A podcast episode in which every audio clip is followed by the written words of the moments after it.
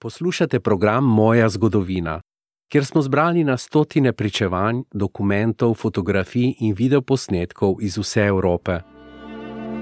Projekt je začel Evropski parlament in tu se zgodovina Evrope prepleta z življenjskimi zgodbami njenih državljanov.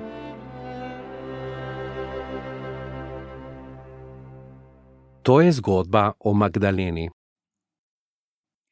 Nazywam się Magdalena Mateja z domu Czajkowska. Ime mi je Magdalena Mateja, moj dekliški primek pa je Čajkovska. Sem soproga in mati. Zaposlena sem na univerzi, kjer raziskujem medije in družbeno komunikacijo. Živim na križišču med vzhodom in zahodom, pravzaprav na meji med obema svetovoma. Med temi dvoma svetami. Magdalena je bila rojena v 70-ih letih prejšnjega tisočletja, ko je bil na polskem na oblasti Edvard Gierek. Otroštvo je preživela v obdobju, ko je to državo pestila gospodarska kriza in se je komunizem začel sicer opotekati, a je bil še zmeraj močan. Družba je postajala vse bolj nezadovoljna.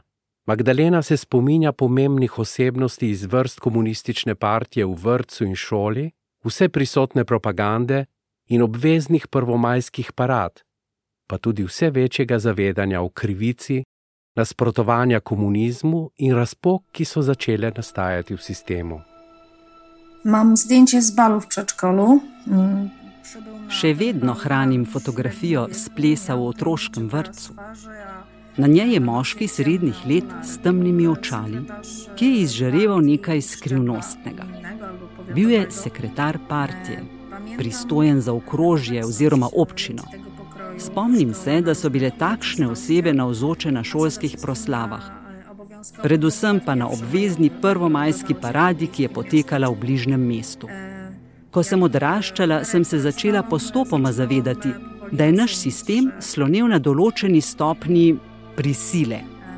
Takoj, ko sem postala nekoliko bolj zrela, sem začela iskati različne izgovore, da se mi ne bi bilo treba udeležiti prvomajske parade skupaj z vsemi sošolci.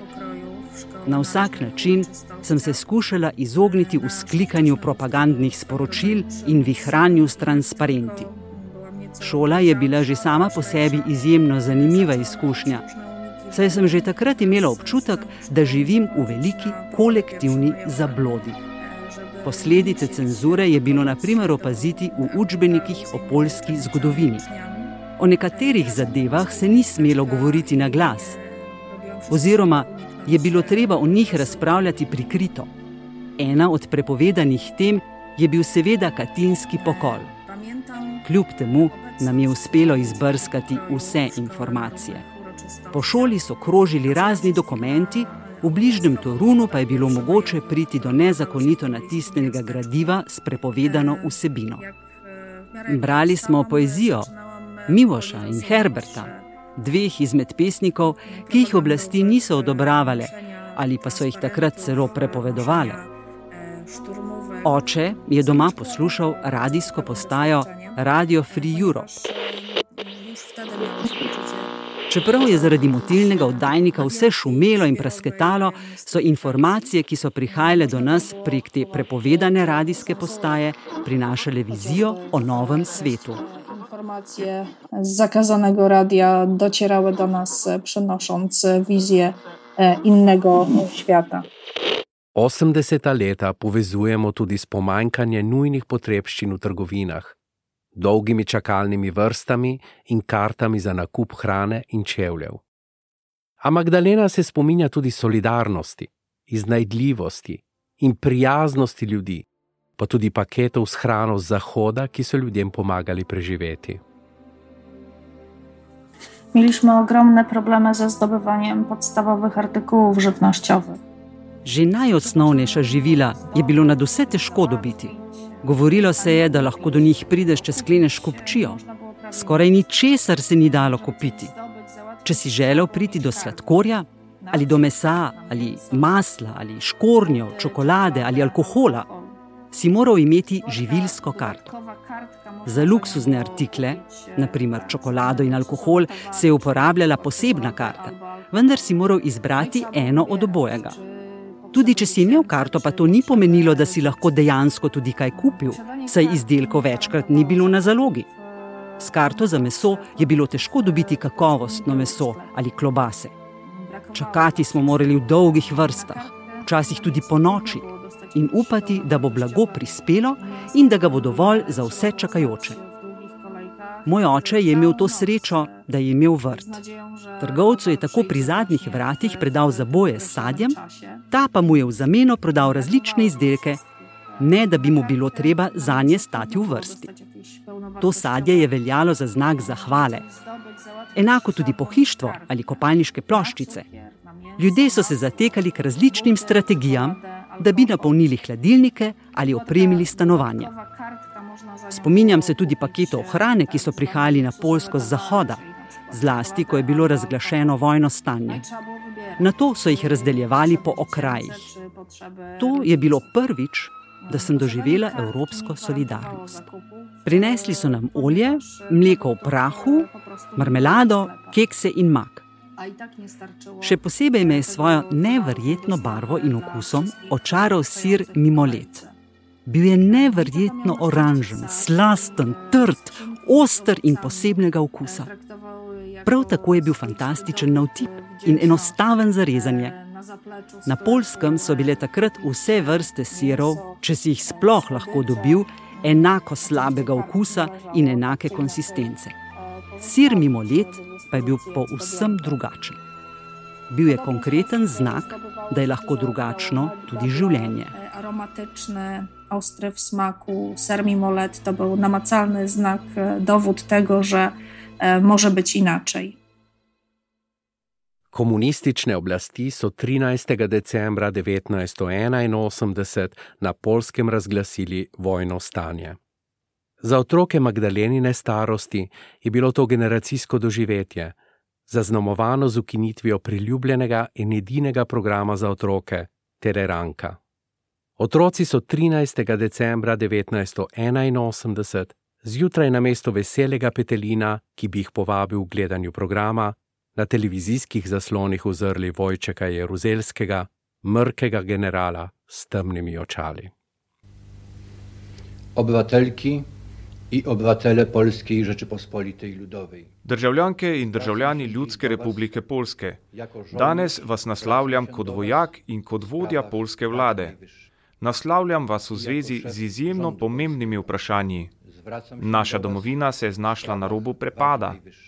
Ogroženo je vse, za kar so se borile številne generacije. Ogrožen je naš polski dom, ki smo ga zgradili iz ruševin. Zniesiony z popiołów polski dom ulega ruinie.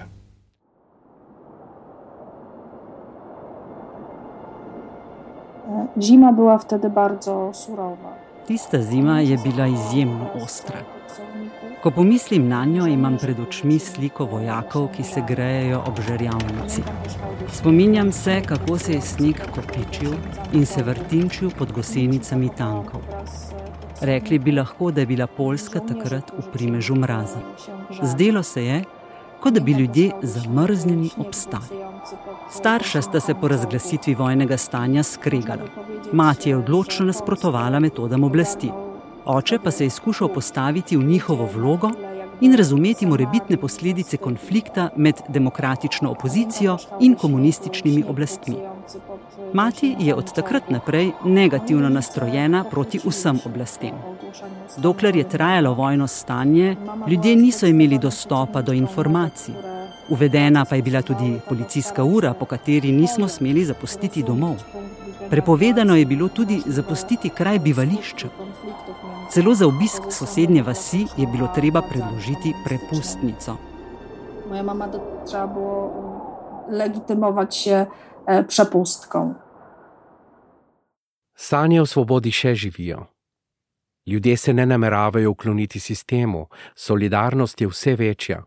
Na polskem sta polska združena delavska stranka in opozicija prvič sedli za okroglo mizo.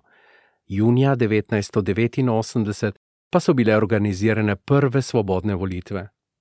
Prebivalstvu Srednje Evrope je uspelo brez prelivanja krvi strmoglaviti zatiralske sisteme. Wybory 1989 roku. Volitve leta 1989 so bile enkratno doživeti. Takrat sem štela 17 let, torej sem bila že skoraj odrasla in sem razumela veliko stvari. Oče je bil v volilni komisiji. Ko se je ob petih zjutraj vrnil domov s štetja glasov, je dejal: Začela se je revolucija. Takrat smo že vedeli, da bodo rezultati občutno uprit opozicije. To pa je vzbudilo upanje za spremembe. Leta so minevala in Magdalena je končala študij v svobodni državi, si ustvarila družino in je sedaj državljanka demokratične Evrope. Vendar pa se nad Evropo znova zgrinjajo temni oblaki in pretijo ji nove grožnje. Magdalena želi, da bi njena hčerka živela v svobodnem svetu in razmišlja o prihodnosti. Gdy myślę o Europie, mam w głowie mit o porwaniu Europy. Ko pomislim na Evropo, mi pride na misel grški mit o njeni ugrabitvi. Zeus prevzame podobo čednega bika, ugrabi prelepo Evropo in jo ponese na oddaljeni otok. Evropa po ugrabitvi ni zgolj prestrašena, na njenem obrazu se zariše celotna paleta čustev. Takšna je tudi sodobna Evropa, v kateri se prepletajo različna nasprotja, ki pravzaprav ne morejo drugo brez drugega. Evropa je neuklonljiva. To prikazuje tudi slika z naslovom Svoboda vodi ljudstvo, ki jo je naslikal Delacroix. Tudi tukaj sta upodobljeni ženskost in hrabrost. Svoboda je utelešena v ženski. Evropa je ženska in upe Evrope so v ženskih rokah. Ženske so prihodnost Evrope, saj so odločne, sposobne upravljati več opravil hkrati, pogumne, marljive in komunikativne. So tudi kljubovalne in stremijo po emancipaciji in enakosti. Znajo skrbeti za druge in menim, da bodo poskrbele tudi za Evropo. Skrbi me, da bomo po 30 letih svobodnega življenja izgubili tisto, po čemer smo Poljaki tako dolgo hrepeneli. Da bomo znova izgubili demokracijo in da se bodo vrnili napetost, konflikti, strah in krivica. Evropa zame pomeni varen pristan, pravo pot in trdnjavo vrednot. Hvaležna sem, da nam nudi mir in varnost pa tudi, da velik pomen pripisuje zdravju, kulturi in izobraževanju. Položaj Poljske je edinstven, na stičišču med vzhodom in zahodom. Można powiedzieć, że jesteśmy w połowie drogi.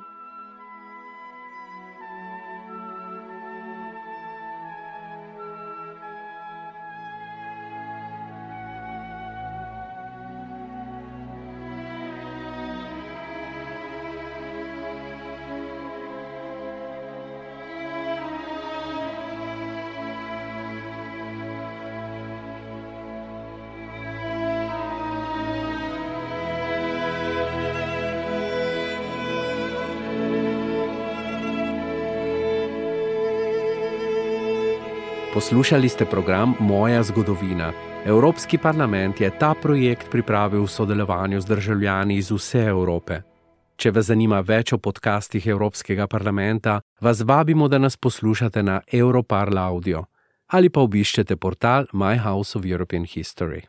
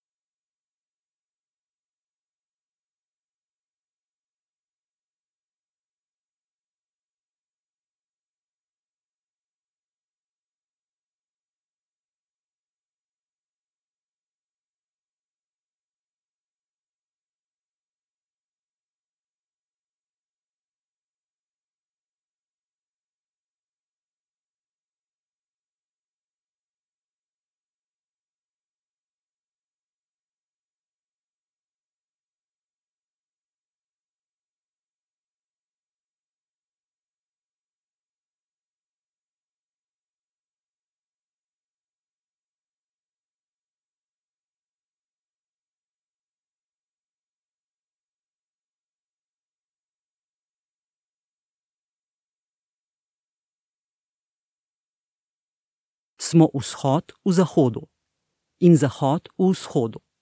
Naše življenje in kultura združujejo dva različna svetova. Živimo na križišču.